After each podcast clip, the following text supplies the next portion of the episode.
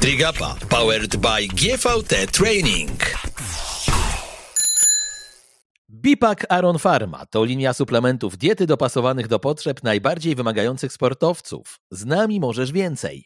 Wiemy co mówimy, bo nasz zespół to naukowcy i sportowcy. Jesteśmy świadomi, z czym zmaga się organizm w czasie uprawiania sportu, a nasze produkty są przetestowane w najbardziej ekstremalnych warunkach sportowych. Wejdź na www.sklep.aronfarma.pl i znajdź produkt odpowiadający Twoim potrzebom. Przy użyciu w koszyku zakupów hasła Trigapa pisane razem otrzymasz 15% zniżki. Link do tego sklepu zamieszczam także w opisie dzisiejszego programu. Zapraszamy na trzecią edycję triatlonu w zimnej wodzie, która odbędzie się w dniach 3-4 czerwca nad zalewem Zimna Woda, położonym w Łukowie, niecałe 100 km od Warszawy i Lublina. Start zawodów odbędzie się na trzech dystansach: jednej drugiej, jednej czwartej i jednej ósmej Ironmana oraz w trzyosobowych sztafetach na każdym dystansie. W zawodach udział mogą wziąć również najmłodsi w triatlonie na trzech dystansach mini. Dużym atutem zawodów jest szybka i płaska trasa rowerowa z dobrej jakości asfaltem, bogaty pakiet startowy, niskie wpisowe oraz doskonałe punkty do kibicowania. Szczegóły na stronie www.triatlonwzimnejwodzie.pl Kamil Gapiński, dzień dobry, witam Was bardzo serdecznie i zapraszam na kolejny odcinek Trigapy. Moi drodzy, nie ukrywam, że jestem bardzo zadowolony, ponieważ dzisiaj ze mną człowiek, który po pierwsze z dziada pradziada jest trenerem pływania, po drugie jest podcasterem, po trzecie promuje piłkę wodną, po czwarte zainteresował się triatlonem zanim to było modne, a po piąte był jednym z pierwszych uczestników Trigapy 5 lat temu, gdzie doszło niemalże do bójki z Rafałem Hermanem na temat pływania. I dzisiaj to pływanie będzie pewnie kluczową e, kwestią, jeżeli chodzi o nasz podcast, ale absolutnie nie jedyną, bo będziemy poruszać bardzo, bardzo dużo tematów. Andrzej Skorykow jest z nami. Dzień dobry, witam Cię Andrzeju bardzo gorąco. Dzień dobry, witam serdecznie wszystkich słuchaczy. A gdzie jest Rafał Herman w takim razie? Bo ja jestem znowu na tym samym miejscu po pięciu latach. Gdzie są ci triatloniści, którzy tak pięć lat temu się głośno udzielali? Gdzie są triatloniści z tamtych lat, aż się chce powiedzieć. No Rafał Herman udzielił mi wywiadu w grudniu, że niestety walczy z boreliozą i to go troszkę hamuje w kwestii e, powrotu do treningu. Y, jeden ma wymówki, drugi ma wyniki. No, dzisiaj nie wiedziałem, że nie będzie łatwo, więc tutaj parę osób może dostać po głowach. Natomiast moi drodzy, e, ja mam jakby pomysł na ten wywiad i będę szedł pewnym sznytem, więc mam nadzieję, że ten pomysł Wam się spodoba. A pomysł przed mi wczoraj, kiedy Andrzej wrzucił na swojego Facebooka pismo które robił w latach 90. Dodam, że to nie było żadne takie pismo, wiecie, które były modne w latach 90. kolorowe z paniami. Nie, nie, absolutnie. E, to było pismo, które nazywało się Triatlon i działo się to na początku lat 90.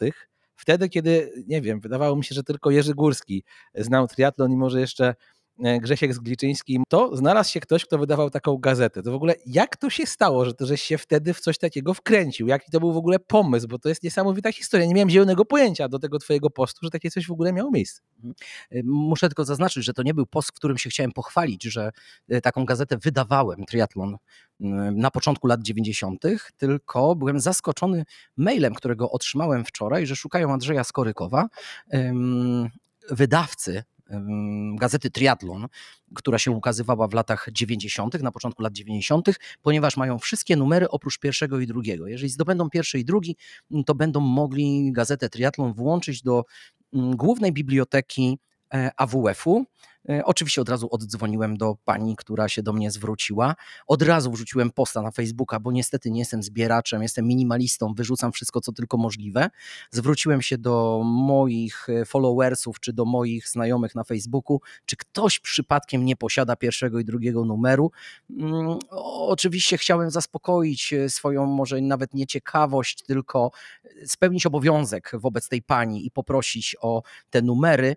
No, okazało okazało się, że jednak ludzie kolekcjonowali te pisma i trzymają do dzisiaj. Znalazło się co, co, co najmniej kilku triatlonistów, którzy posiadają pisma, wszystkie numery od 1 do 7 i zgodzili się przekazać numer 1 i numer 2 do biblioteki, do głównej biblioteki AWF-u, co mnie bardzo ucieszyło, oczywiście dowartościowało również. Mm, no bo ja sobie przypomniałem, że w latach 90., nie wiem, no większość z naszych słuchaczy albo nie było na świecie, albo dopiero co raczkowała. Ale skąd na Boga wtedy taki pomysł? Pomysł, bo to wiesz, z dzisiejszej perspektywy trzech dekad, już masz nawet trzydziestu kilku lat, to wiesz, to, to jest absolutnie nieoczywiste. No, Susz, w którym w 91 albo w 92 roku startował z triatlonem, wiemy, że tam pod koniec lat 80 coś się działo, między innymi bodajże w Kaliszu, no ale robienie gazety triatlonowej to naprawdę była odważna rzecz, no przecież na Boga, pięć osób na krzyż się tym triatlonem interesowało. Nie wiem, stawiam sobie czasami takie odważne cele, może też dlatego, że jestem przekorny i chcę udowodnić moim kolegom, którzy twierdzą, że czegoś się nie da, że się jednak da. Tak jak pewnie dzisiaj porozmawiamy o piłce wodnej, o której mówili moi koledzy, że się w Polsce nie da uruchomić piłkę wodną, więc też postanowiłem im to udowodnić. Pewnie to pismo to było ponad 30 lat temu, dlatego ja nie wszystko pamiętam, ale pamiętam, że żeby wydawać takie pismo, nie było łatwo, bo nie było jeszcze komputerów, a na pewno nie było powszechnych programów do edycji takich publikacji kupiłem sobie pierwszy komputer, zainstalowałem pierwszy program, nawet przypomniałem sobie nazwę Ventura. Pierwszy nie był doskonały, ta Ventura nie była doskonała. Przeszedłem na PageMakera, to już taki program, który na Macu również chodził, jeszcze nie wiedziałem wtedy, co to jest Mac. Ale też nie potrafiłem go obsługiwać, więc poszedłem na kurs redaktorów technicznych, taki wyszukałem sobie, nie w internecie, bo wtedy nie było internetu, tylko wyszukałem sobie taki kurs, poszedłem na normalny kurs redaktorów technicznych, żeby się przeszkolić, jak wydawać pisma. Załatwiłem sobie prywatnie wejście do domu słowa polskiego, żeby zobaczyć, jak na pierwszych komputerach składa się tekst. Oczywiście wtedy 90% składanego tekstu to było jeszcze zecerstwo, czyli takie ołowiane czcionki, które zecer e, składał. No, trudno dzisiaj do wytłumaczenia, gdybyśmy nie mogli. Na YouTubie może gdzieś mogą sobie nasi słuchacze popatrzeć, jak wyglądało zecerstwo. Więc były to początki. No, wtedy skład tekstu polegał na tym, że ktoś wpisywał tekst i wpisywał kody, nie wiedząc tak do końca, nie widząc tak do końca, co z tego wyjdzie finalnie. Dopiero po wydruku widział, że wyszły szpalty, y, strony, y, ilość znaków i tak dalej. Więc to też trzeba było mieć dużą wyobraźnię wtedy, żeby montować teksty. Mm, zaprenumerowaliśmy gazetę Triatleta y, amerykańską, Myślę, że to też mnie zainspirowało, że skoro mogą, że w Stanach Zjednoczonych wychodzi taka gazeta, dlaczego namiastka takiej gazety nie może wychodzić w Polsce? Oczywiście ja od najmłodszych lat miałem jakąś taką potrzebę i misję chyba, mm, nieświadomą popularyzowania sportu w ogóle w społeczeństwie. I myślę, że to był etap również mm, chciałem coś zrobić dla triatlonu, czyli popularyzować ten sport i wymyśliłem sobie, że może wydawanie takiej gazety jak triatleta w Ameryce, triatlon w Polsce będzie dobrym sposobem. Mm, udało nam się wydać pięć numerów, naprawdę wtedy, siedem numerów, przepraszam, wtedy nie było to łatwe, nie było maszyn drukarskich e, ogólnie dostępnych, to były tylko duże drukarnie. No, żeby zrobić jakiś nakład, to trzeba było ten nakład zrobić bardzo duży. Małych nakładów nikt nie chciał drukować, więc pierwszy numer, proszę tutaj też nie przeceniać moich możliwości ówczesnych, był zszywany zszywkami, ale piąty numer już miał wielobarwną okładkę, tą zresztą, którą widziałeś na Facebooku. Mm, pamiętam, że za tą wielobarwną okładkę, za separację tej wielobarwnej okładki, bo tego jeszcze nie potrafiłem robić, zapłaciłem więcej niż za cały druk gazety. No to jest niesamowita historia i bardzo się cieszę, że właśnie trafiło na Andrzeja, który robił taką gazetę, bo wiem, że po pierwsze on lubi rozmawiać, a po drugie ma zdolność zapamiętywania e, szczegółu, o czym się mogliście teraz przekonać. Ty sam do tej gazety pisałeś, czy jeszcze jakichś innych pasjonatów triatlonowych ówczesnych udało ci się jakby do tego zaprosić? No, oczywiście, że to się robi w gronie. Nigdy sam niczego nie robię. Zawsze robię w zespole no bo zespół może nieporównywalnie więcej. Y, tworzyłem tą gazetę razem z moją pierwszą żoną, która wtedy studiowała polonistykę, więc wymyśliłem sobie, że skoro to jest ten kierunek, to dla niej też będzie dobry rozwój. Od razu zaoszczędziłeś też na korekcie. Bardzo, bardzo mądre podejście, Andrzej, brawo. No wiesz, i jak to w y, małżeństwie, no nie musisz tak się do końca rozliczać finansowo, prawda? No bo zostaje wszystko w rodzinie. Zaangażowany był oczywiście mój ojciec, który był wtedy prezesem największego klubu triatlonowego, Warszawskie Towarzystwo Triatlonu, który zresztą założył. Mm, był trenerem pływania, w związku z tym też pisał artykuły, które muszę powiedzieć, są niezwykle aktualne dzisiaj. Kiedy zajrzysz do tej gazety przeczytasz sobie artykuły o pływaniu, okazuje się, że 30 lat temu pisaliśmy o tym samym, o czym dzisiaj mówimy i wydaje nam się, że to w ogóle jest odkrycie ostatniej dekady. Jak trening na przykład na hipoksji, czyli z ograniczonym oddechem w wodzie. Taki artykuł sobie akurat przypomniałem, który okazał się chyba właśnie w piątym mm, numerze. Tłumaczyliśmy artykuły z gazet zagranicznych, czyli głównie z tej amerykańskiej gazety triatlonowej, ale również prowadziliśmy pierwsze w życiu wywiady. No, przypomnę, że ja wtedy miałem 21-22 lata, więc ja byłem bardzo młodym chłopakiem.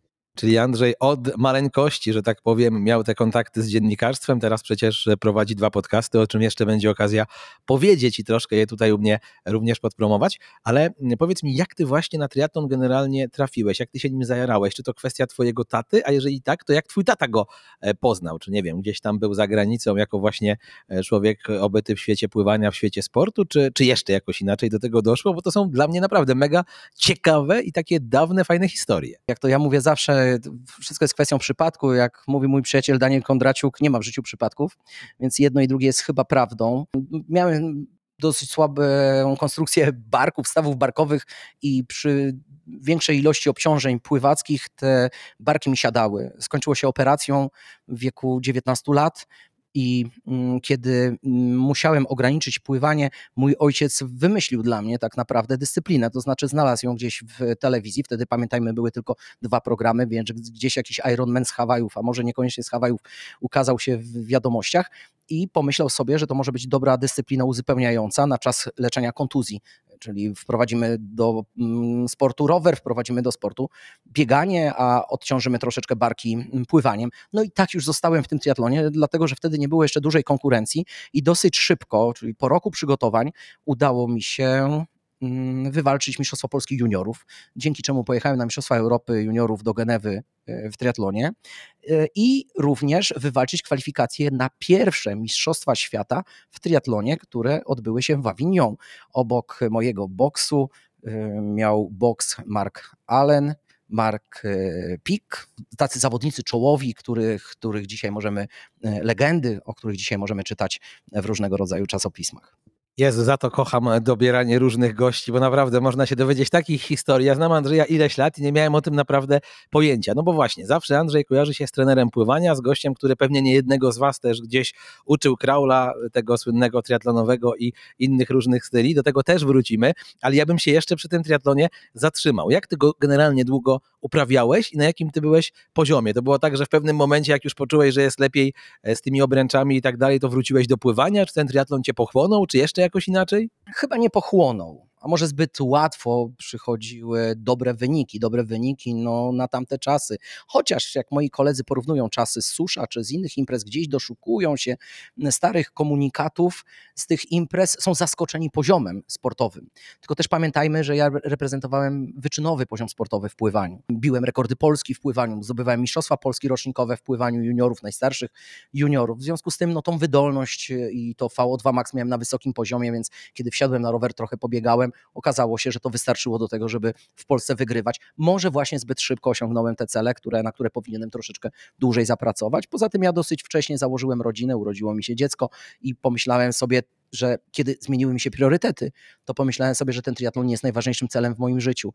A wtedy nie chciałem traktować jeszcze sportu jako dbania o zdrowie albo, albo o wagę, tylko mm, albo robię coś na 100%, albo tego nie robię. No okej, okay, ale też zdarzały ci się jakieś, wiesz, takie starty seniorskie tutaj w Polsce, walka o Mistrzostwa Polski, na jakich dystansach startowałeś, jakbyś trochę, wiesz, przypomniał tego, bo myślę, że to znają tylko twoi jacyś najbliżsi znajomi, przyjaciele, członkowie rodziny, ale tak jak mówię, w większości głów triatlonistów, których znam, no to Andrzej Skorykow równa się trener pływania. Wychowany byłem w duchu olimpizmu, w związku z tym interesował mnie tylko dystans olimpijski. Oczywiście to był wpływ mojego ojca na postrzeganie uprawiania sportu. Nie interesowały mnie wtedy żadne dłuższe dystanse. Podziwiałem oczywiście zawodników, którzy startują w dłuższych dystansach, ale wydawało mi się to nawet łatwiejsze niż wygrywanie w dystansie na dystansie olimpijskim. Poza tym wiedzieliśmy już, że w Atlancie będzie dystans olimpijski dyscypliną pokazową na Igrzyskach Olimpijskich w Atlancie. Wtedy jeszcze mm, pretendowały dyscypliny sportu do Igrzysk Olimpijskich i one były na pierwszych Igrzyskach jako, jako dyscypliny pokazowe. W związku z tym też wiązałem nadzieję, że ta dyscyplina, poziom sportowy w, w tych konkurencjach olimpijskich będzie wyższy i zainteresowanie tymi konkurencjami będą większe, więc interesowały mnie tylko e, triatlony olimpijskie. E, udało mi się wystartować w, jednym, w jednej połówce w Poznaniu.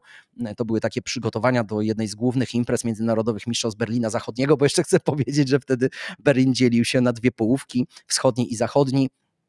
I pamiętam, że po, tym, po tej połówce miałem dwa tygodnie odpoczynku i mm, ten odpoczynek naprawdę potraktowałem e, dobrze i nastąpiła super kompensacja podczas wyścigu w Berlinie i to był mój chyba najlepszy wtedy start, czyli ta połówka pomogła mi e, jako bodziec, silny bodziec treningowy, więc też nie mówię, że mm, te dłuższe dystanse nie są, nie są właściwe, czy nie są konieczne dla triatlonistów, ale interesowały mnie tylko dystanse olimpijskie. Mój ojciec namówił organizatora w suszu do pierwszej imprezy triatlonowej, która była organizowana, już w tej chwili nie pamiętam, 89 rok, ty pewnie e, z kronikarskiego obowiązku lepiej będziesz pamiętał, mm, Kamil, kiedy pierwszy triatlon się odbył i pamiętam, że zasugerował i lobował na rzecz skrócenia dystansu z olimpijskiego do sprintu. On wtedy uważał, że trzeba zachęcić pływaków, biegaczy, może kolarzy do startu w ogóle w pierwszej imprezie swojej triatlonowej. W związku z tym skracanie dystansów mogło tylko spowodować zwiększenie zainteresowania triatlonem, tak, startami y, w triatlonie i mm, w związku z tym też wybieraliśmy krótsze dystanse niż olimpijskie, chociaż wtedy nie były aż tak popularne jak teraz, czyli właśnie sprint triatlonu, czyli jedna druga olimpijskiego na przykład dystansu. Ty byłeś trochę skazany na sport w związku z tym, że twój tata jest z tego środowiska, czy to wyglądało inaczej? Jak to twoja e, ścieżka wiesz, się prezentowała od małego chłopaka do powiedzmy tamtego juniora, który właśnie aktywnie uczestniczył czy w Mistrzostwach Polskich Pływackich, czy potem w triatlonie. Y, po części tak, jest to wina ojca oczywiście, ale nie dlatego, że on świecił przykładem i sam uprawiał sport w jakiś sposób intensywny, można powiedzieć, że nie uprawiał. To też było pokolenie, które w wieku dorosłym uprawianie sportu nie było modne, a wręcz często niedobrze postrzegane. No jak facet ma czas na, nie wiem, pobieganie sobie. Ja sam się wstydziłem biegać, jak wychodziłem z podwórka, wychowywałem się na Muranowie, żeby koledzy mnie nie widzieli, że idę na trening biegowy. Po prostu by się ze mnie śmiali. To, są, to były zupełnie inne czasy, więc spacerkiem sobie szedłem y, ulicą Sanguszki w dół nad Wisłę. Wiedziałem, że już tam mnie nikt nie, nie pozna i zaczynałem nad Wisłą dopiero biegać. Kiedy wracałem, to wiedziałem, że muszę ochłonąć, żeby nie wrócić spoconym, no bo by się domyślili i by mieli bekę ze mnie moi e, patologiczni koledzy z e, Muranowa. E, w związku z tym mm, ojciec miał o tyle wpływ na mój sport, że był kierownikiem również basenów na Legii. To były kiedyś dwu, dwa baseny 50-metrowe przy ulicy Łazienkowskiej. Ja tam się po prostu wychowałem. W związku z tym ja się wychowałem w środowisku sportowym. Ja całe życie od maleńkiego, od czwartego roku życia obserwowałem sportowców, nie tylko pływaków, ale sportowców różnych dyscyplin, którzy mm, reprezentowali Legię Warszawa, którzy e, trenowali na Legii, ale często i mieszkali, bo często to byli żołnierze poborowi, którzy byli najlepszymi sportowcami w Polsce. A czy byłeś świadkiem na przykład tego, jak narodził się wielki pływak albo jakiś inny wielki sportowiec, że wiesz, był twoim rówieśnikiem, był rok czy dwa starszy, czy rok czy dwa młodszy i widziałeś, jak się wykuwał mistrz jakiegoś sportu na twoich oczach? I widziałem i byłem manipulowany przez ojca, żebym dostrzegł tego mistrza. Czyli to były czasy, kiedy nasi rodzice kreowali nam trochę idoli, ale oczywiście mówię to w tym bardzo dobrym słowa znaczeniu. Kiedy dzisiaj zapytasz młodego człowieka, jakim sportowcem się inspiruje, sportowca, jakim sportowcem się inspiruje, to bardzo często nie usłyszysz żadnej odpowiedzi. Natomiast ja miałem swojego idola, Darka Wolnego, pewnie szerszej publiczności czy y, szerszemu gronu słuchaczy nie jest to nazwisko zupełnie znane. Olimpijczyk z Moskwy, niedoszły olimpijczyk z Los Angeles w pływaniu, mm, był moim idolem. Trenował na Legii, jest o 9 lat ode mnie starszy i mm, inspirowany przez ojca postacią Darka Wolnego, dążyłem do tego, żeby być taki sam jak on, e, żeby tak samo szybko pływać, żeby wymazywać jego rekordy z tablicy rekordów na Legii, okazałej tablicy rekordów. Marzyłem o tym, żeby pierwszy rekord wymazać, po wymazaniu pierwszego kolejne, czyścić e, z tej tablicy. To było dla mnie olbrzymie wyzwanie i satysfakcja, kiedy mi się to udawało, kiedy udało mi się pojechać z Darkiem Wolnym na pierwsze zawody, kiedy reprezentowaliśmy Legię Warszawa. Ja naśladowałem go we wszystkim, nawet w technice pływania. Kiedy trener zobaczył, że jak jakoś dziwnie przenoszę rękę bokiem y, w grzbiecie, zaczął zwracać mi uwagę, co ja robię. Y, więc ja się szybko poprawiłem i zacząłem pływać po staremu, żeby się do mnie nie, nie przyczepiał, ale to było właśnie to naśladownictwo swojego idola. Nawet y, kiedy staliśmy na defiladzie, miałem wtedy 16, może 17 lat, a Darek Wolny kończył już karierę, czyli, czyli miał 20 parę lat i potrafił sobie na posadzkę splunąć na basenie. Więc ja to zobaczyłem, to ja go naśladowałem i też plułem na tą posadzkę. Także naśladowałem we wszystkim, ale Myślę, że to jest bardzo ważne, żeby młody człowiek mógł się inspirować e, kimś i e, mieć swojego takiego idola. Więc to mnie mobilizowało, ale oczywiście ja obserwowałem różnych zawodników. Ja biegłem szybko z pływackiego treningu na mecz piłkarski, w którym e, grali tacy zawodnicy jak Darek Dziekanowski, którego uwielbiałem oglądać, jego luz, jego podejście do e, piłki nożnej, kiedy potrafił przybić pionę z niepełnosprawnym na wózku pomiędzy e, wyrzucaniem autu a strzeleniem bramki na przykład. Także oglądałem i miałem okazję przebywać z najlepszymi nie tylko zawodnikami różnych dyscyplin na Legii, ale również wspaniałymi trenerami. A czego ci zabrakło z perspektywy lat, żebym ja, wiesz, mógł dzisiaj mówić o e, Andrzeju Skorykowie jako, nie wiem, powiedzmy odniosę się do zawodników, których ja uwielbiałem w tamtych czasach jako mały chłopak, Artur Wojdat czy Rafał Szukała z tym jego kapeluszem w Barcelonie, jak tylko z Pablo Moralesem przegrał, czego do dzisiaj nie mogę w ogóle e, gdzieś przeżyć. 31 lat minęło, a mi ciągle smutno, że on zdobył srebro. E, żeby być tak dobrym zawodnikiem, żeby być olimpijczykiem, po prostu talentu, czy, czy jednak czegoś innego? Kiedyś mi to Ryszard Szurkowski wytłumaczył, czego mogło mi zabraknąć. Posiadałem metrykę warszawską, urodziłem się w Warszawie. Może gdybym się urodził gdzieś na prowincji, przyjechał do Warszawy, musiał jeszcze trochę bardziej powalczyć o te sukcesy, o to, żeby być kimś, żeby osiągnąć wyższe cele niż moi rówieśnicy, może osiągnąłbym coś więcej, ale mm, trochę sobie żartuję, a trochę w tym jest prawdy, mm, pewnie zdrowia i wzrostu, no bo do pływania 1,77 m to jest troszeczkę za mało, a zdrowia, ten układ kosmomięśniowy też u mnie nie był nigdy idealny. Zastanawiam się, mój drogi, co mieli triatloniści z Twoich lat, czego Twoim zdaniem nie mają obecni? Poziom triatlonu był wyższy. Średni poziom triatlonu był zdecydowanie wyższy, to znaczy do triatlonu trafili zawodnicy, którzy mieli jakąś przeszłość sportową najczęściej. Dzisiaj, mm, czyli mieli świadomość, mieli świadomość sportowca, który już przeszedł y, jakiś proces treningowy albo dosyć skomplikowany czy, czy intensywny. Mm, w dzisiejszych czasach często triatlon to była pierwsza dyscyplina sportu, którą zaczęto uprawiać w wieku dorosłym. Tak? Moi koledzy zaczęli uprawiać, yy, uprawiać w wieku dorosłym. Więc myślę, że to jest ta różnica. I jeszcze jedna rzecz, pasja. Znaczy wtedy mi się wydawało, że nikt nie robił tego dla mody. Na pewno nie, no bo dyscyplina nie była znana, więc nie było można się pochwalić, że było się triatlonistą, no bo to zupełnie było niezrozumiałe dla y, publiczności nie było też za bardzo gdzie, no bo nie było social mediów, umówmy się, więc nawet jakbyś ten triatlon uprawiał, to nie wrzuciłbyś sobie selfie na Facebooka, bo nie było Facebooka. Nie wiem, taka dygresja, może ciekawy wątek by się nam pojawił w programie, gdybyśmy porozmawiali sobie o tym, co sprawił COVID. Tak? Czyli yy, wielu triatlonistów przez rok, dwa nie mogło wrzucić sobie zdjęcia z imprezy na Facebooka. Co się stało po COVID-zie? Wielu z tych triatlonistów zrezygnowało z uprawiania sportu, ponieważ zobaczyli, że nie muszą się wcale e, chwalić, życie toczy się dalej i, i mają się dobrze, prawda? Bez, bez, wrzucania tych, bez wrzucania tych postów e, z imprez byli wtedy sportowcy twardsi niż teraz, bo jak ja sobie patrzę na piłkarzy, wiesz, oni nawet tak trochę poważniej wyglądali, no nawiążmy do tej twojej legii z lat 90. Leszek Pisz, Zbigniew Mandziejewicz, Marek Jóźwiak bez zęba, Wojtek Kowalczyk, mój serdeczny druh z kanału sportowego z wąsami, jakby wyglądali na trochę starszych i poważniejszych, ale wiadomo, że to mogło być tylko jakieś takie zbudzenie optyczne, natomiast e, ty jak znasz obecnych właśnie młodych sportowców i też często z nimi pracujesz i sam byłeś młodym sportowcem, i widziałeś, jak to wyglądało w latach, nie wiem, 80. czy 90., to, to jakie masz wrażenia?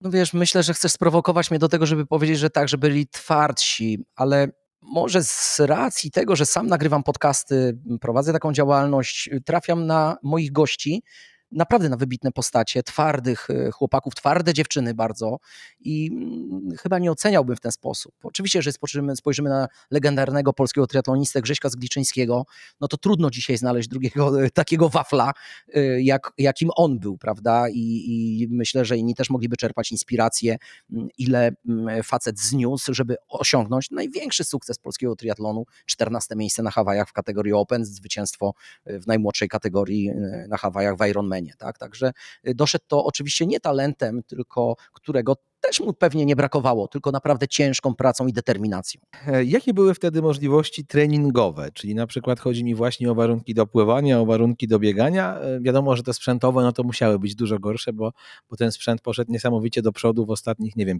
15-20 latach wiesz, kiedy uprawiasz sport, to się chyba nad tym nie zastanawiasz, co będzie za 20 lat, tak? Jak będzie ten sprzęt nowoczesny albo jak technologia treningu się rozwinie. Ja myślę, że ten trening był bardzo podobny, bo wszyscy oczekujemy, wszyscy oczekujemy takiej odpowiedzi, że ten trening niesamowicie się zmienił w ostatnim okresie, ostatniej dekadzie, może dwóch dekad.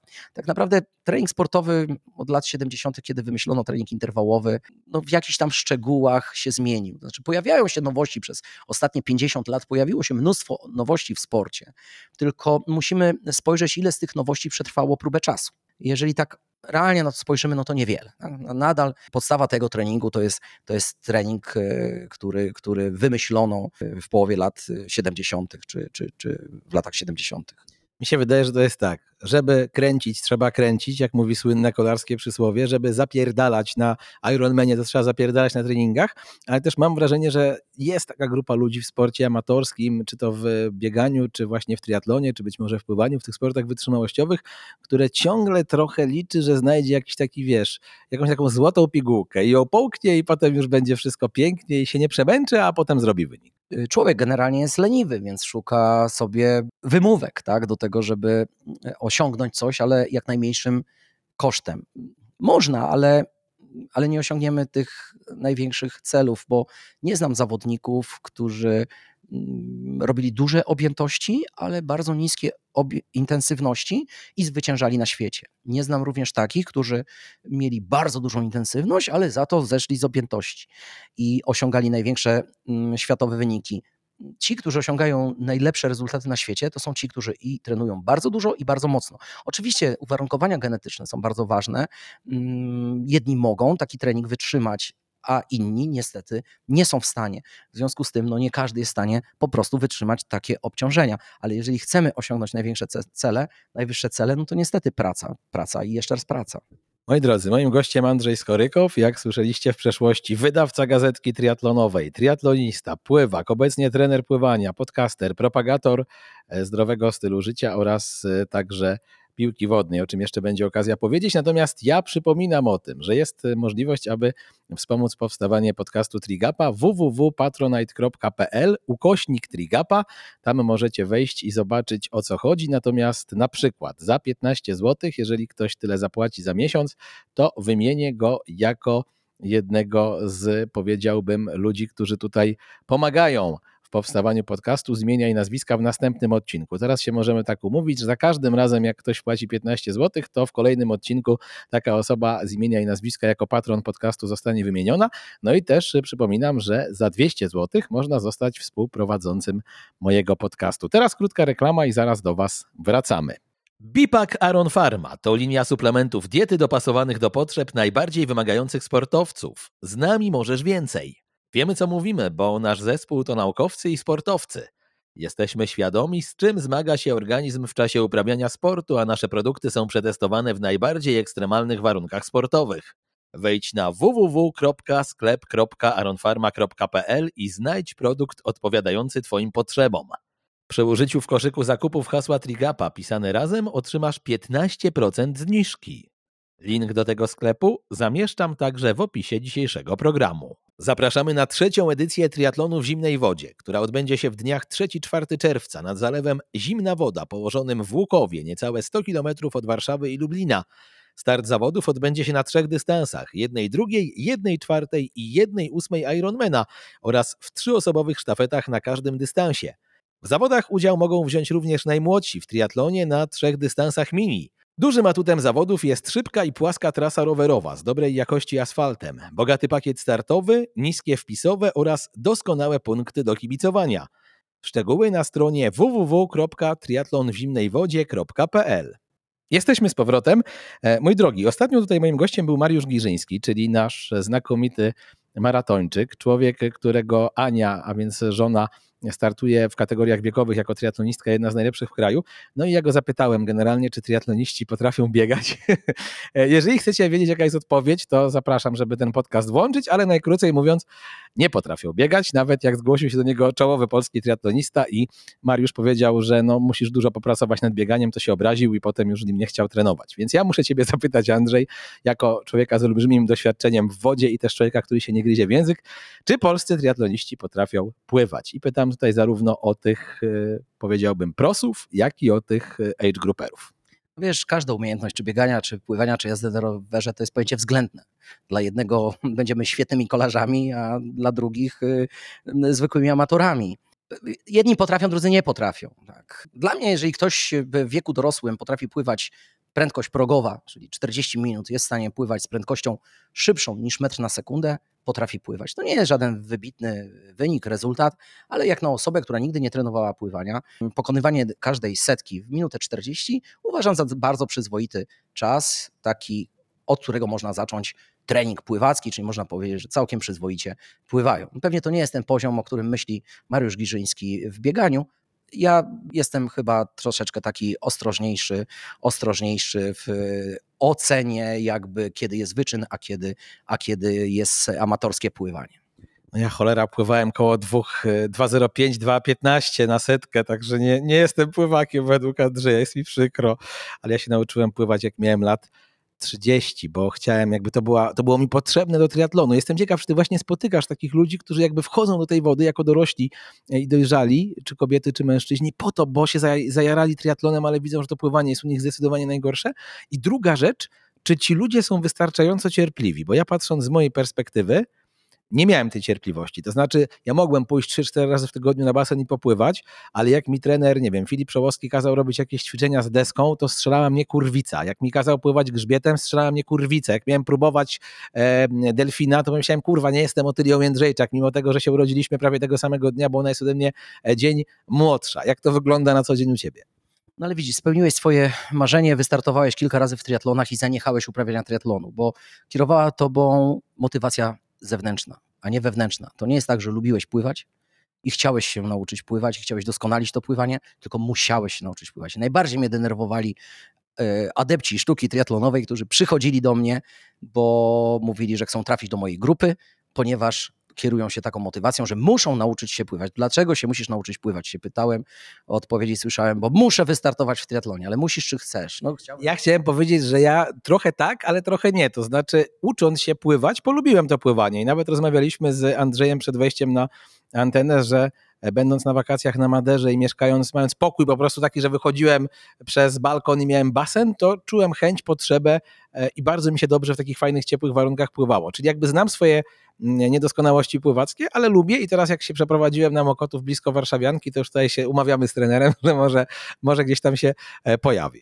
Tak, ale nasi trenerzy, których jest ośmiu w naszym klubie Warsaw Masters Team, wszyscy przeszli szkolenie, mieli powiedziane, że kiedy trafia do ciebie triatlonista, triatlonista masz zrobić wszystko, żeby polubił jak najszybciej pływanie. Dlatego, że triatlon, amatorski triatlon w wydaniu, nie wiem, ostatniej dekady, to jest dyscyplina na rok, maksymalnie na dwa dla osoby, która zaczyna ją uprawiać. W związku z tym nie stać nas jako Warsaw Masters Team na to, żeby inwestować czas i emocje w kogoś, kto będzie uprawiał dyscyplinę sportową rok albo dwa. W związku z tym musieliśmy znaleźć metodę, czy szukać metody, co zrobić, żeby triatlonista, który do nas przychodzi, nie jest przekonany do pływania, niekoniecznie lubi pływać, ale musi wystartować w triatlonie i dlatego musi nauczyć się pływać, polubił pływanie. I oczywiście dzisiaj e, większość osób, które do nas trafiły, były triatlonistami, dzisiaj są pływakami, albo po prostu dwa razy w tygodniu, czy trzy razy w tygodniu przychodzą na treningi pływackie, bo świetnie czują się w grupie, w społeczności i również w wodzie. To jak to zrobiliście? Jaki był ten klucz do serca tych ludzi? Głównie grupy. Tak? Czyli dobieraliśmy grupy odpowiednie, odpowiednie charaktery, y, żeby przede wszystkim ludzie chcieli dobrze czuć się w towarzystwie. Oczywiście triatloniści to najczęściej introwertycy, ale mimo wszystko introwertyk też y, lubi y, towarzystwo i mm, wydaje mi się, że to był taki klucz do sukcesu. W ogóle nie prowadziliśmy zajęć indywidualnych do tej pory, nigdy mamy taką filozofię, że, że zdecydowanie szybciej uczymy się pływać czy doskonalić technikę, kiedy uczymy się nie tylko od trenera, ale również od innych zawodników. Poza tym ta rywalizacja na treningu też pomaga w mm, progresie wyników. Również wiedzieliśmy, że prowadzimy sekcję pływacką, do której trafiają triatloniści. W związku z tym ci triatloniści musieli się do nas dostosować, musieli nauczyć się pływać wszystkimi stylami. My ich przekonywaliśmy do tego, że jeżeli będą pływali wszystkimi stylami, będą pływali szybciej kraulem od innych triatlonistów trenujących w grupach triatlonowych wyłącznie kraula. Często jeszcze triatlonowego kraula. Nie wiedziałem, jaki to jest ten triatlon. Ja do dzisiaj nie wiem, jaki to jest ten triatlonowy kraul, chociaż tyle lat siedzę w tym pływaniu. Na początku były pewne opory, ale kiedy udawało nam się ich przekonać, że rozwijanie się, doskonalenie umiejętności w ogóle w życiu człowieka sprawia nam ogromną frajdę, no dzisiaj mogą te narzędzia wykorzystywać sobie, kiedy nie są triatlonistami. Mogą pływać różnymi stylami, mogą robić nawroty na kilka różnych sposobów i myślę, że właśnie mm, to jest ta ich wygrana, że pływanie jest dyscypliną, którą możesz, jedyną dyscypliną, którą możesz uprawiać do końca życia. Do końca życia nie będziesz jeździł na rowerze, do końca życia nie będziesz biegał, ale do końca życia możesz pływać. Możesz iść na basen z balkonikiem, czy przy pomocy balkonika, wejść do wody i pokonywać kilometry w wodzie. A od strony technicznej, jakbyś miał komuś łopatologicznie wytłumaczyć, to co daje nauka innych stylów, jakby w jaki sposób to przyspiesza kraula? Bo mogą nas słuchać ludzie, którzy za bardzo nie rozumieją tej, wiesz, zależności. Każdy inny styl ma transfer na styl wiodący. Jeżeli nas chcemy rozwijać kraul, to pływanie żabą stylem klasycznym zwiększa, może poprawić nam sam chwyt wody, dlatego że w żabie mamy bardzo krótki ruch i ten chwyt wody musi być dużo bardziej precyzyjny, żebyśmy na rękach w żabce na przykład się przesunęli. Ale żabka również uczy bardzo dobrze pozycji opływowej, bo po każdym cyklu ruchowym musimy przyjąć idealną pozycję opływową w żabce, tak zwaną strzałkę. Te elementy wszystkie przekładają się na inne style, na przykład mm, na krał. Y, nawet umiejętność pływania nóg do żaby bardzo nam się przydaje w triatlonie. Jeżeli ktoś nas łapie za stopę z tyłu albo na nas napływa, możemy popłynąć tak zwanym trendżenem. Ręce do kraula, nogi do żaby. Wtedy osoba płynąca za nami ma wrażenie, że my ją kopiemy y, piętą y, w rękę czy w głowę. Oczywiście tego nie robimy, krzywdy nigdy nie zrobimy, ale jednak już odstraszymy tego naszego rywala. Kiedy łapie nas skurcz podczas pływania kraulem w zimnej wodzie, możemy popracować kilka razy nogami do żaby, albo co jakiś czas kilka razy nogami do żaby. Te nogi będą skuteczne nadal w generowaniu napędu, ale pozbędziemy się efektu łapania skurczu. E, pływanie grzbietem dla kraulisty, mięśnie antagonistyczne. No, nie zamykamy się tylko w jednym kierunku, tylko otwieramy tym grzbietem. E, bardzo ważna rzecz, bardzo techniczna. Kraulem, kiedy trenujemy kraula długi dystans, zaczynamy pływać leniwym kraulem. To znaczy mamy bardzo długi czas przeniesienia pauzy pomiędzy chwytem wody jedną ręką, a mm, wyjęciem ręki z wody drugiej. I im dłużej ta ręka z przodu w fazie przenoszenia ręki nad wodą drugiej jest w bezruchu, tym ten kraul staje się coraz wolniejszy. Kiedy zaczynamy pływać długi dystans w niezbyt dużych prędkościach, czyli trenujemy tak zwaną wytrzymałość podstawową, zaczynamy właśnie takim leniwym kraulem pływać, który w ogóle nie przynosi nam już w pewnym momencie żadnych, nie daje nam żadnych efektów, żadnego postępu. Kiedy odwracimy ten styl yy, i zaczniemy pływać grzbietem, grzbiet, praca ramion jest bardzo symetryczna, praca nóg jest bardzo rytmiczna, zaczynamy yy, kształtować te same cechy w wodzie, które chcemy kształtować i nie tracimy techniki, tak? czyli dalej uczymy się pływać tak zwanym kajakingiem, czyli ręce pracują tak, jakbyśmy trzymali wiosło. Kiedy przełożymy to na kraul, no mamy zdecydowanie dużo większy efekt, bo zwiększamy frekwencję, bo zwiększamy prędkość. Moi drodzy, wykład profesora Andrzeja Skorykowa, ale myślę, że tutaj naprawdę tyle konkretnych argumentów e, podał nasz trener, że ciężko się z nim e, nie zgodzić. A co byś powiedział tym, którzy na przykład mówią, a tam nie będę poświęcał za bardzo czasu na pływanie, bo jak zacznę trenować rower, to wiadomo, że mogę zyskać na zawodach 15 minut, jak zacznę trenować bieganie, to zyskam 10 minut, a jak się w tej wodzie, za przeproszeniem, zapierdzielę, to tam zyskam minutę, więc po cholerę mam się tak męczyć. Bo to jest taki bardzo częsty argument, jaki ja spotykam u triatlonistów, którym się po prostu nie chce robić nic ponad minimum w wodzie. Ale to są bardzo sensowne argumenty. Znaczy, powiem, że ma rację. Powiem, że ma rację, tylko pytam się, po co przyszedł do mnie do grupy pływackiej. Przyszedł się nauczyć pływać dla samego siebie, ale jednocześnie popłynąć szybko i sprawnie w triatlonie, czy, czy po prostu chce ukończyć optymalnie szybko cały dystans triatlonowy. Ale mm, kiedy triatloniści, którzy trafili do nas, do grup pływackich, przeszli proces treningowy jednego sezonu, najczęściej jest tak, że po pierwszym triatlonie, jak wychodzą z wody, to mówią: O Jezu, trening u Skorykowa jest cięższy niż ten start w triatlonie, tak i to dwa razy. W związku z tym myślę, że też dla tych triatlonistów, którzy przeszli ten proces treningowy, jest tak, że oni po pływaniu są dopiero rozgrzani. No wiesz, też fajnie jest, kiedy wychodzisz w mm, pierwszych 10 czy 15% stawki z wody, a mniej fajnie, kiedy wychodzisz w drugiej połowie. No więc też inaczej ten wyścig później się dla ciebie rozgrywa, tak, takie mam wrażenie. Albo na końcu, czyli na tak zwanego Tomka Karolaka.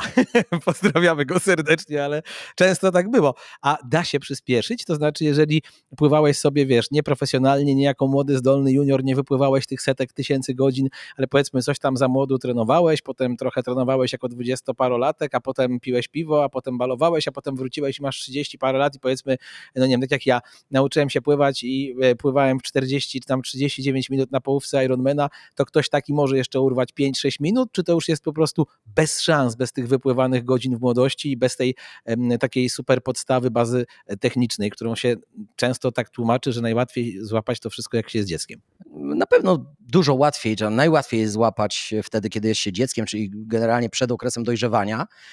Wtedy należy wypływać te kilometry, wtedy uczymy się tej techniki właściwej, ponieważ środowisko wodne jest obcym środowiskiem i zdecydowanie mm, więcej czasu musimy poświęcić właśnie przed tym okresem dojrzewania. Natomiast mm, gdybym powiedział, że się nie da, albo powiedział, że się da i poprawisz każdą, każdą setkę o 20 sekund, to znaczy, że się nie znam, prawda? No to często mm, takie tezy potrafią stawiać młodzi trenerzy, którzy jeszcze mają mało doświadczenia. Trener, który ma duże doświadczenia, za dużo widział, żeby jednoznacznie powiedzieć, czy się da, czy się nie da i o ile. Każdy się będzie poprawiał. To, to nie jest tak, tylko czy ta poprawa będzie ciebie zadawalała. No niestety w pływaniu myślę, że udział talentu, predyspozycji, rzadko lubię rozmawiać o talencie, ale jeżeli już przy tym jesteśmy, to tego talentu, tych, predy, tego, tych predyspozycji do pływania hmm, potrzeba trochę i myślę, że to jest bardzo y, ważny czynnik w pływaniu.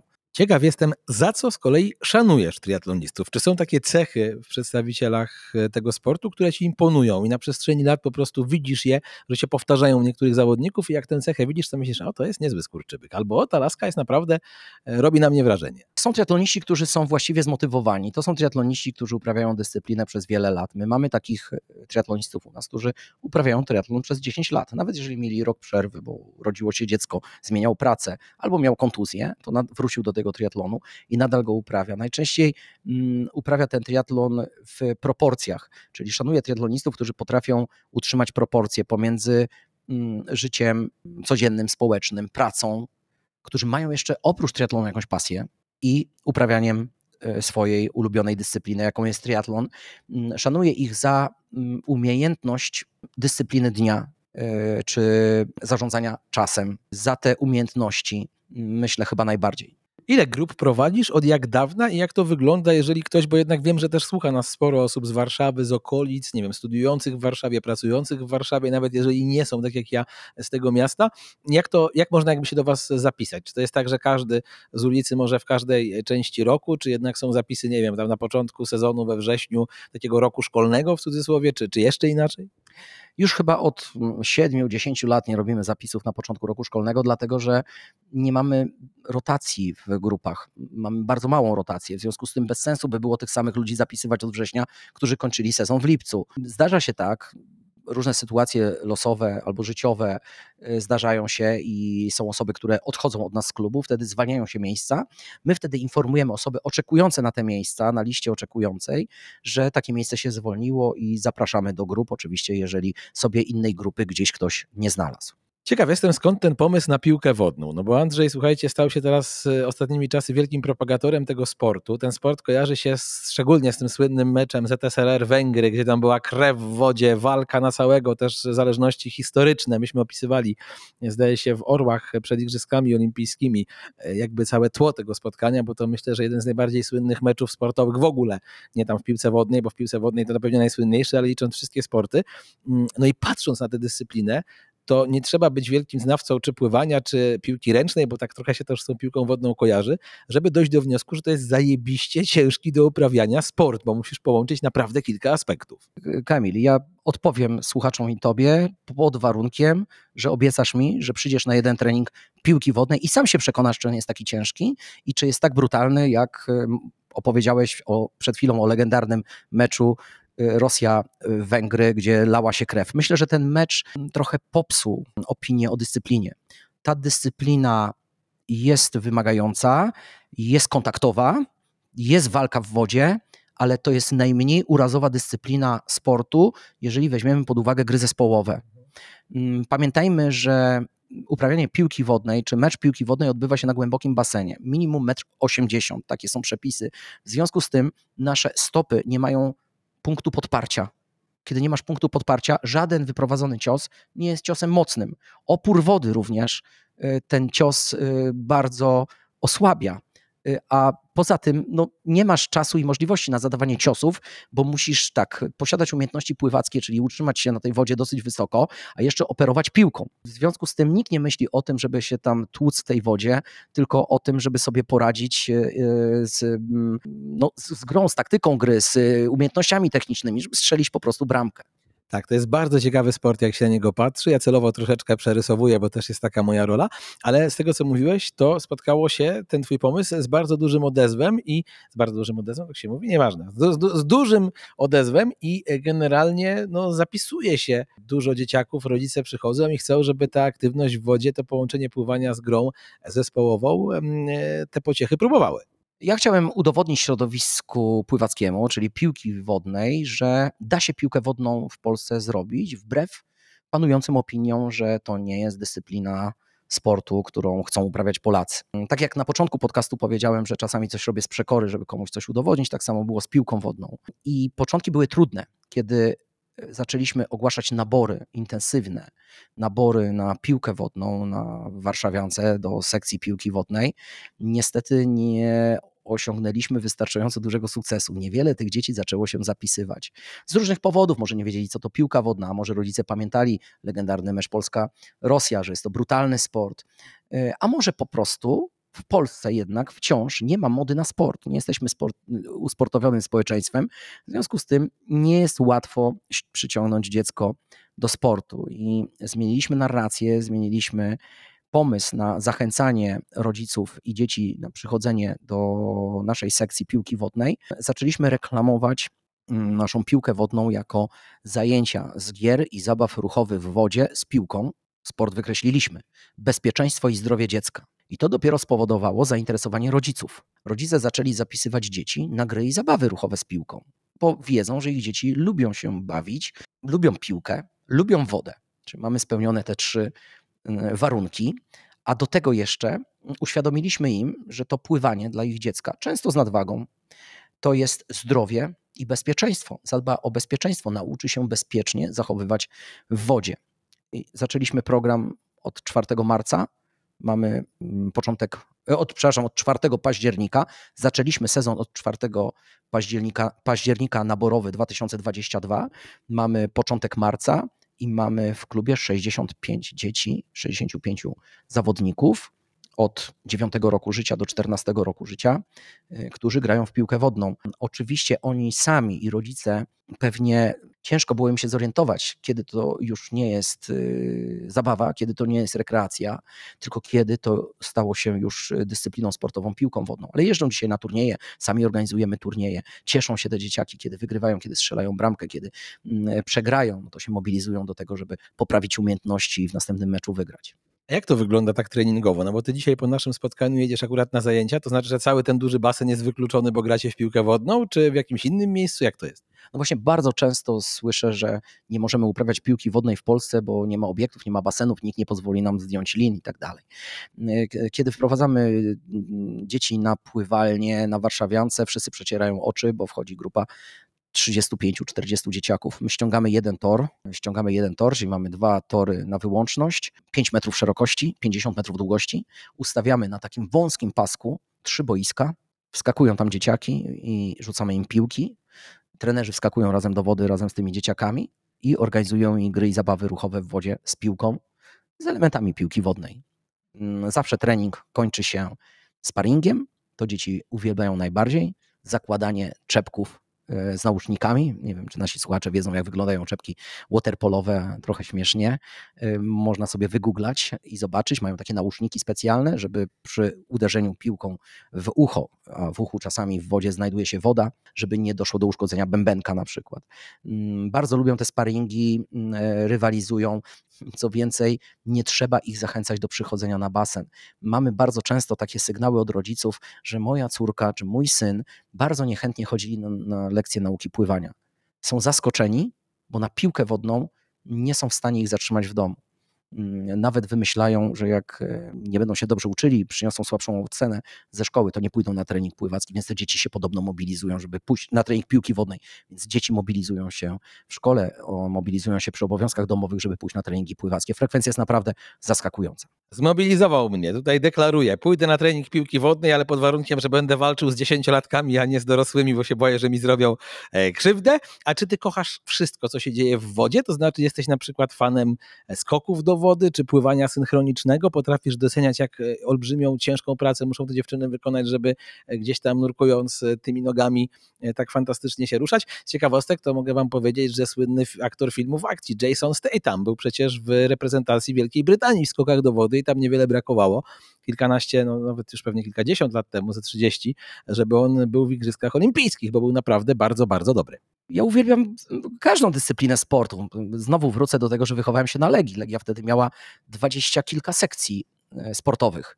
W związku z tym, jak kończyłem popołudniowy trening pływacki, bo pamiętajmy, że pływanie uprawia się dwa razy dziennie, kończyłem trening popołudniowy pływacki, wracając już do domu wieczorem, jakiś magnes powodował, że, że ciągnął mnie na torwar, na lodowisko żeby pooglądać, jak e, trenują hokeiści. Mm, e, więc kiedy poglądałem sobie, jak trenują hokeiści, może czasami jak zagrali jakiś sparring, dopiero wtedy wracałem do domu. W związku z tym i skoki do wody, i pływanie artystyczne to są dyscypliny również dla mnie oczywiście interesujące. Tutaj mogę ogłoszenie dać. Szukamy trenerki do klubu, do sekcji mm, naszej Warsaw Masters Team, do uruchomienia sekcji pływania artystycznego e, właśnie dla dzieci, ale również i dla dorosłych. Więc jeżeli jakaś e, triatlonistka, pływaczka synchroniczna nas słucha, to i szuka pracy albo chce realizować ciekawe mm, cele w naszym klubie, swoje cele związane z pasją pływania artystycznego, to zapraszamy. To jest prawdziwy zwierz podcastowy, nie przepuści żadnej okazji. A tak się dobrze składa, że z tego co wiem, 27 pływaczek synchronicznych regularnie nas słucha. Także na pewno któraś z nich, Andrzej, się odezwie. To statystyka musi się odezwać do ciebie. Polskie pływanie, ja chciałem jeszcze o to zahaczyć, bo czekamy na ten medal olimpijski. Wspominamy ciągle e, moją wspaniałą rówieśniczkę Otylię Jędrzejczak, która pozamiatała, jeżeli dobrze pamiętam, to w Atenach tych medali olimpijskich w polskim pływaniu, jak porównamy to na przykład do wioślarstwa, no to umówmy się, za dużo nie było. Nadchodzą lepsze czasy, bo jak ja patrzę na takich chłopaków jak Krzysiek Chmielewski czy Ksawery Masiuk, to uśmiecham się i mam nadzieję, że tak, że może jeszcze jak nie Paryż, to, to Los Angeles, ale tak może być, czy, czy, czy niekoniecznie. Przepraszam, że trochę odchodzę, moi drodzy, tutaj od triatlonu, ale myślę, że jako ludzie, którzy też to pływanie cały czas mają blisko siebie, no to śledzicie, jak są zawody pływackie. Wiem, że wielu triatlonistów lubi na przykład włączyć meeting lekkoatletyczny, podejrzewam, podejrzewam, że jak są Mistrzostwa Europy czy Mistrzostwa Świata w pływaniu, już nie mówiąc o Igrzyskach Olimpijskich również, a wydaje się, że trochę tych talentów nam ostatnio przybyło. Musielibyśmy mieć, wydaje mi się, kilku ksawerych Masiuków i kilku Krzyśków Chmieleskich, żebyśmy mogli liczyć na sukcesy na Igrzyskach Olimpijskich, na pewne sukcesy. Dwóch zawodników to jest troszeczkę za mało. Kasia Wasik, trzecia. Myślę, że mimo wszystko to jest trochę mało, żebyśmy mogli być pewni czegokolwiek na Igrzyskach Olimpijskich w Paryżu. Skala. To jest znowu skala. Ale nie można oczywiście odmówić talentu wszystkim tym naszym zawodnikom, wyróżniającym się zawodnikom, których wymieniliśmy. Szczególnie Krzysztof Chmielecki wykonuje niezwykle ciężką pracę, bardzo mu kibicuję, bo jest to mm, najmłodszy finalista olimpijski Igrzysk Olimpijskich w Tokio, 16-latek, który na tak trudnym dystansie 200 metrów stylem motylkowym awansował do finału Igrzysk Olimpijskich. Ksawery Masiuk, który zdobywa już na międzynarodowych imprezach, 17-latek zdobywa na międzynarodowych imprezach medale Mistrzostw Europy, Mistrzostw Świata. Są to oczywiście zawodnicy, którzy potencjalnie są kandydatami do e, medali, może Ksawery Masiuk zdecydowanie większy, do, e, do medali na Igrzyskach Olimpijskich w Paryżu, ale pamiętajmy, że, że pływanie w porównaniu do wioślarstwa jest y, dużo bardziej popularną dyscypliną na świecie, nieporównywalnie popularną dyscypliną na świecie, więc chętnych do tych trzech medali na 200 czy 100 metrów stylem grzbietowym na całym świecie jest niezwykle, niezwykle dużo i walka o te medale jest niezwykle trudna. No tak, to na pewno, tym bardziej na przykład ja doceniam, będąc jeszcze właśnie w styczniu w Melbourne Australian Open, to jak niezwykłą sportsmenką jest Iga Świątek, która już w ogóle w takim mega globalnym, jednym z najbardziej globalnych sportów, e, potrafi wygrać e, trzy razy wielkiego szlema, co nie udało się nigdy Agnieszce Radwańskiej, czy być od e, wielu miesięcy liderką rankingu WTA. Ten znój pływacki, te ciężkie, wielogodzinne treningi, często dwa razy dziennie, ten znój triatlonowy, to, że właśnie goście, którzy gdzieś tam cały czas się chcą przebić, mówię o młodych, zdolnych Polkach, o młodych, zdolnych Polakach, walczą o swoje marzenia. E, myślisz, że to daje tym ludziom dużo w przyszłości. To znaczy, nawet jeżeli nie uda mi się spełnić marzenia o awansie na igrzyska w przypadku polskich triatlonistów, no to to jest główny cel, a nie medal igrzysk, jak choćby być może w przypadku, daj Boże, Ksawerego Masiuka, to i tak im da to pewnego rodzaju kapitał na przyszłość i sprawi, że jak będą mieli 30 parę lat i zakończą swoje kariery, to po tak trudnym treningu łatwiej im się będzie odnaleźć w życiu, czy wręcz przeciwnie. Ja trochę o to pytam dlatego, bo pamiętam, że mój kolega ze studiów, dziennikarz przeglądu sportowego Łukasz Olkowicz zrobił ileś lat temu wywiad z Arturem Wojdatem i on opowiadał, że on po tym życiu basenowym, a przecież to jeden z najlepszych polskich pływaków w historii, miał traumę, Ciężko mu się było chyba z tego co pamiętam odnaleźć w życiu, ale też przez 25 lat nie zamoczył palca w wodzie, bo miał taki wstręt. Hmm, nie możemy brać jednego przykładu i porównywać go do e, ogółu. Hmm, myślę, że bardzo dobrze Artur Wojdat sobie poradził w życiu. Skończył świetną uczelnię, jest szanowanym informatykiem w Chicago. Hmm, tak samo jak pozostali jego koledzy Rafał Szukała, czy Mariusz Podkościelny, który jest trenerem, wybitnym trenerem w Stanach Zjednoczonych pływania. Mm, pamiętajmy, że to jest to pierwsze pokolenie emigracji polskich pływaków, y, która zawitała do Stanów. Myślę, że każdy trener, szczególnie w Stanach Zjednoczonych, chciałbym, żeby również w Polsce każdy trener pływania miał takie podejście, że generalnie sukcesy jego zawodnik ma zdobywać w wieku dorosłym dzięki temu, że przeszedł proces treningowy, że przeszedł przez sport, wyczynowy sport, który jest niezwykle doceniany właśnie w Stanach Zjednoczonych, bo jakie prawdopodobieństwo jest, że wychowamy mistrza świata w pływaniu? Żadne. Wszystkim rodzicom to tłumaczę, że jeżeli naprawdę chcesz zainwestować swoje dziecko, w jego y, sukces y, jakikolwiek, to zacznij go uczyć języków albo zapisz już, nie wiem, do szkoły biznesowej jakiejś, bo y, prawdopodobieństwo, że osiągnie sukces w pływaniu, no jest, prawda, no żaden, ale nie po to on uprawia sport dzisiaj wyczynowy, żeby wyłącznie liczyć na międzynarodowy sukces sportowy. Jak wiemy, no nie ma dzisiaj chyba właśnie w dzisiejszych czasach, kiedy mówisz o tym, czy młodzież jest dzisiaj twardsza, czy, czy była e, bardziej twarda za moich czasów, to wszystko jedno kiedy, ale ten sport, szczególnie dzisiaj, uczy tej twardości, odporności, umiejętności dążenia do celu. Jeżeli ty zapytasz dzisiaj młodych ludzi na ulicy, jaki ma cel w życiu, to najczęściej usłyszysz, że, no nie wiem, zostanie youtuberem na przykład, prawda, czy celebrytą. Myślę, że, że niekoniecznie to są te cele, które rodzice chcieliby widzieć yy, w swoich, w swoich dzieciach. Ten sport uczy nam, nas cierpliwości, uczy nas, że nie ma czegoś takiego jak porażki, są, jest tylko nauka. Uczy nas tego, że najwięksi mistrzowie na świecie dużo częściej przegrywali niż wygrywali swoje wyścigi. Także myślę, że to jest kapitał, uprawianie sportu, relacje y, między rówieśnikami, umiejętność odnalezienia się w drużynie, czy poradzenia sobie z emocjami. Nie wiem, w Polsce strasznie modni są dzisiaj psychologowie w sporcie, prawda, na przykład.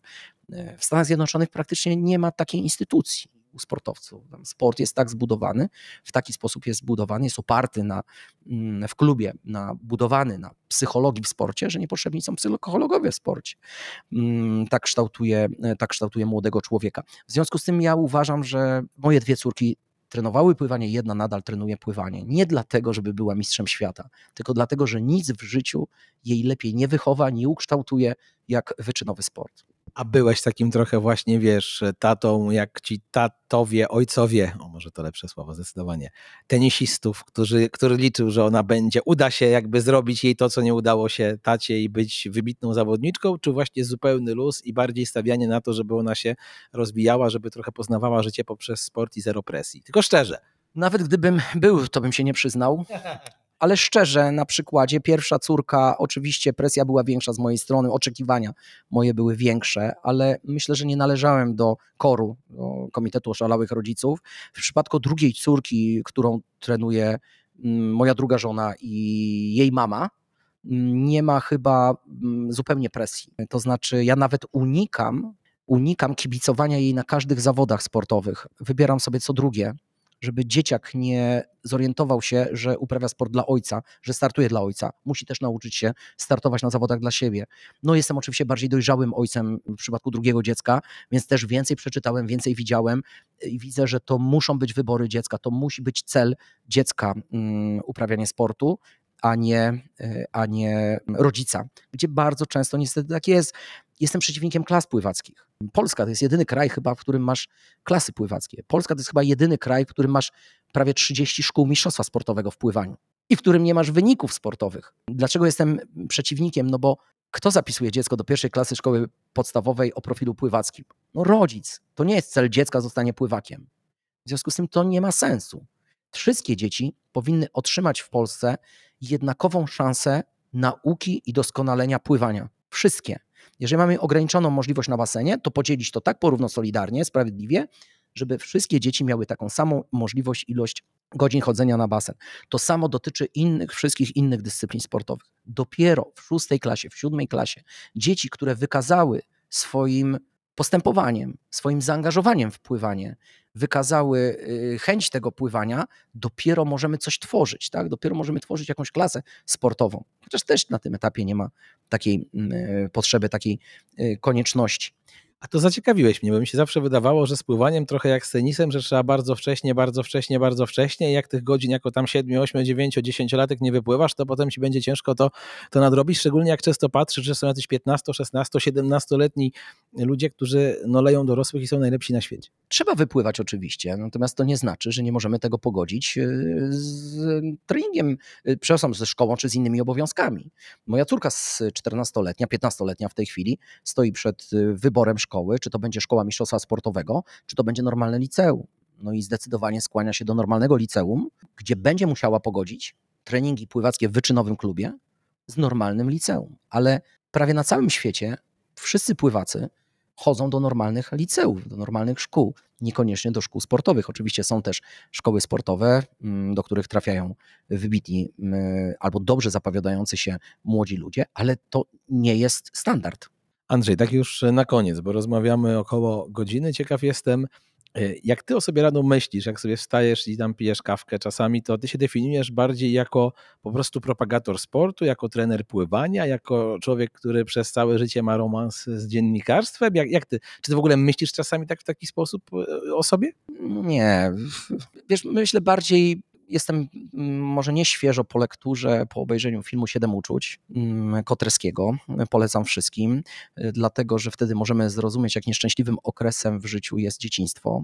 I właśnie wtedy, kiedy rodzice wywierają presję na dzieci, i mm, jeden z bohaterów tego filmu, uczeń, zapytany przez nauczyciela, kim chciałbyś być w życiu, y, odpowiedział, że chciałby być sobą ten nauczyciel nie zrozumiał, bo wszystkie inne dzieci chciały być albo prawnikiem, albo lekarzem. Oczywiście to, czy chciały, to kwestia była taka, czy one chcą, czy rodzice chcą. I ten, który powiedział, że chce być sobą, był najbardziej normalnym dzieckiem. To był szczęśliwy chłopiec, uśmiechnięty chłopiec. Więc ja chciałbym być nadal uśmiechnięty, chciałbym być nadal szczęśliwy i być po prostu sobą, czyli mieć e, różne pasje, mieć e, różne cele w życiu, być jednocześnie i trenerem, i wydawcą, i podcasterem, i prowadzić sekcję, rozwijać sekcję piłki wodnej i sekcję pływacką. Udaje ci się w sobie takiego małego, młodego chłopca jeszcze właśnie zachować, bo wydaje mi się, że ci ludzie, którzy mają 40, kilka, 50, kilka, 60, kilka lat, ale robią coś, co lubią, ty masz tego właśnie takiego małego chłopca, który czasami idzie na ten basen i czuje jeszcze taką pasję jak pierwszego dnia? Wyłącznie ja wróciłem do pływania w wieku dorosłym, żeby poczuć, albo właśnie wtedy poczułem ten moment, w którym, w którym miałem, będąc 17-latkiem czy 16-latkiem. I nadal mam ten moment, kiedy wchodzę na płytę pływalni, spotykam się z moimi dzisiaj rówieśnikami, mam ten moment, w którym wiek nie ma znaczenia. To znaczy, ja mam wrażenie, że nadal jestem chłopcem, że nadal realizujemy wspólny trening y, pływacki w grupie takiego realizowaliśmy właśnie w tamtych czasach. A dzisiaj mam jeszcze większą frajdę i takie poczucie właśnie e, młodości, kiedy wskakuję na trening piłki wodnej. No bo to, to już jest w ogóle fan. Piłka, woda, bramki i te czasy na Legii, kiedy właśnie po treningu pływackim zostawałem na trening piłki wodnej. Mój trener się denerwował, ojciec się denerwował, że powinienem lecieć do domu, uczyć się, odrabiać lekcje, odpoczywać przed kolejnym porannym treningiem pływackim, ale to było ode mnie silniejsze. Ja zostawałem z chłopakami, piłkarzami wodnymi, grałem z nimi w piłkę wodną, bo liczyłem na to, że zabiorą mnie gdzieś na jakiś turniej, że będę mógł z nimi pograć. I to są te momenty właśnie dzisiaj, w których czuję się świetnie, bo czuję się właśnie jak nastolatek. Tak, pomyślałem sobie, jak teraz mówiłeś o Marcinie Cieślaku. Przypomnę, że to jest nasz też znakomity pływak, który rozkręcił biznes, po, pewnego, po pewnym czasie wrócił do pływania i zaczął pływać lepiej, bo stwierdził, że zeszła z niego ta presja, że po prostu wreszcie nie musiał, tylko chciał i dzięki temu poczuł z tego przyjemność i też wkręcił w tę walkę o igrzyska w Tokio, udaną zresztą przecież w sztafecie, Pawła Korzeniowskiego. Czyli ty też rozumiem, że pijesz do tegoś podobnego, że jest taki fajny moment, kiedy właśnie z tego sportu yy, czujesz, że chcesz, a nie, że musisz. Tak, i chciałbym, żeby z lekcji mm, Marcina Ciślaka, czy Pawła Korzeniowskiego, czy Kasi Wasik, która zakończyła karierę pływacką, oczywiście była świetną pływaczką, ale niewybitną. Kiedy wróciła do sportu, wróciła właśnie do pływania masters, do amatorskiego pływania masters, okazało się, że może swoją karierę rozpocząć na nowo, zostać jedną z najlepszych sprinterek, y, pływaczek na świecie. To chciałbym, żeby trenerzy wyciągnęli lekcje z tych y, przykładów polskich pływaków, żeby dbali o motywację u swoich zawodników, żeby ta motywacja była wewnętrzna, a nie zewnętrzna. Bo nawet kiedy się starzejemy, kiedy mniej trenujemy, ale mamy właściwą motywację, wtedy możemy osiągnąć dużo większe, lepsze rezultaty i do tego jeszcze z uśmiechem na, na buzi, a nie, a nie ze znużeniem, czy, czy z jakąś e, znużeniem, znudzeniem, e, czy, czy, czy zmęczeniem. Jak sobie rozmawialiśmy przed tym podcastem, mówiłem e, Andrzejowi, że zapisałem się na maraton we Walencji, że muszę mieć jakąś mobilizację na 40, żeby parę kilo zrzucić, że wtedy zacznę trenować. Andrzej na mnie popatrzył i powiedział jeszcze kilka lat i zaczniesz sobie już trenować tak dla siebie, a nie dla wyniku, bo to każdy lub też większość do takiego wniosku e, dochodzi w pewnym wieku. No zachodzą jakieś procesy w e, naszej głowie, a może nie tylko, może jakieś hormonalne, które powodują, że przychodzi mm, taki moment w życiu mężczyzny, dlaczego mężczyzny, zaraz powiem, mm, że nie musi nikomu już nic udowadniać przestaje przejmować się opinią publiczną czy kolegami, co powiedzą, nie musi mm, dominować nad innymi, może coś zrobić dla siebie, czyli zacząć uprawiać sport dla samej przyjemności. Chcę powiedzieć, ja to często powtarzam, że tylko 11% licencjonowanych pływaków mastersów, y, czyli zawodników powyżej 25 roku życia, którzy uprawiają pływanie amatorsko w Stanach Zjednoczonych, startuje w zawodach. Wszyscy pozostali, mimo to, że mają licencje zawodnicze, tylko uprawiają ten sport, bo kochają uprawiać sport. Dlaczego powiedziałem, że wrócę do kobiet? Dużo więcej kobiet uprawia bieganie na świecie niż mężczyzn. Nieporównywalnie mniej startuje ich w zawodach sportowych, w biegach ulicznych. One nie muszą nikomu nic udowadniać. One biegają dla swojej przyjemności, czy to będzie dla zdrowia, czy dla fanu, dla relaksu, dla resetu głowy. Mają jakby tą motywację wewnętrzną dużo silniejszą niż mężczyźni. Dlatego mogą biegać całe życie, dlatego nie muszą startować w zawodach, dlatego przychodzi taki moment w naszym życiu, w którym nie musimy nikomu nic udowadniać, możemy uprawiać sport dla samego piękna uprawiania sportu, a niekoniecznie do tego, żeby rywalizować. Tym bardziej, że umówmy się, no, to też kieruję tutaj mm, taki apel do triatlonistów, albo y, próbuję zasugerować, że wasze, moi drodzy, wyniki amatorskiego sportu mm, nie mają żadnego znaczenia dla historii wyników w triatlonie na świecie. No, żadnego, tak. To jest tylko y, wasza satysfakcja, robicie to tylko, tylko dla siebie i trenujecie tylko dla siebie. Tyle, moi drodzy, Andrzej Skorykow, jak słyszycie, człowiek stworzony do podcastów, a skoro o podcastach mowa, to na koniec jeszcze bym chciał, żebyś e, zareklamował te swoje, powiedział, gdzie można cię posłuchać, jeżeli ktoś poczułby niedosyt albo chciałby cię posłuchać, wiesz, po tej drugiej stronie, nie jako osoby odpowiadającej na pytania, tylko jako osoby, e, która je zadaje. Zapraszam na stronę runforestpodcast.pl, pisane runforest.pl. Tam znajdziecie podcasty zarówno Run Forest, jak i Suchy Tor Broadcast. Suchy Tor Broadcast dotyczą, branży pływackiej. Zachęcam do wysłuchania mojego ostatniego podcastu, który nagrałem z Aleksandrą Hierasimienią, e, dwukrotną e, srebrną medalistką Igrzysk Olimpijskich w pływaniu, która całkiem niedawno została skazana za działalność wywrotową na Białorusi na 12 lat pozbawienia wolności. Myślę, że bardzo interesujący podcast, nie tylko pod względem politycznym, ale przede wszystkim pod względem sportowym, mentalnym, podejścia do sportu i, i w ogóle jak ten sport funkcjonował na Białorusi, jakie spostrzeżenia ma Aleksandra w stosunku do tego, co widzi w Polsce, jak w Polsce uprawia się sport, jak, jak podchodzi się również do, do, do sportu. Bardzo lubię takie rozmowy z ludźmi, od których można można się dowiedzieć dużo ciekawych rzeczy, nie tylko w kwestii triatlonu, ale też innych sportów, a także życia. Andrzej Skorykow był z nami, Kamil Gapiński. Dziękuję Wam bardzo serdecznie za kolejny odcinek podcastu Trigapa.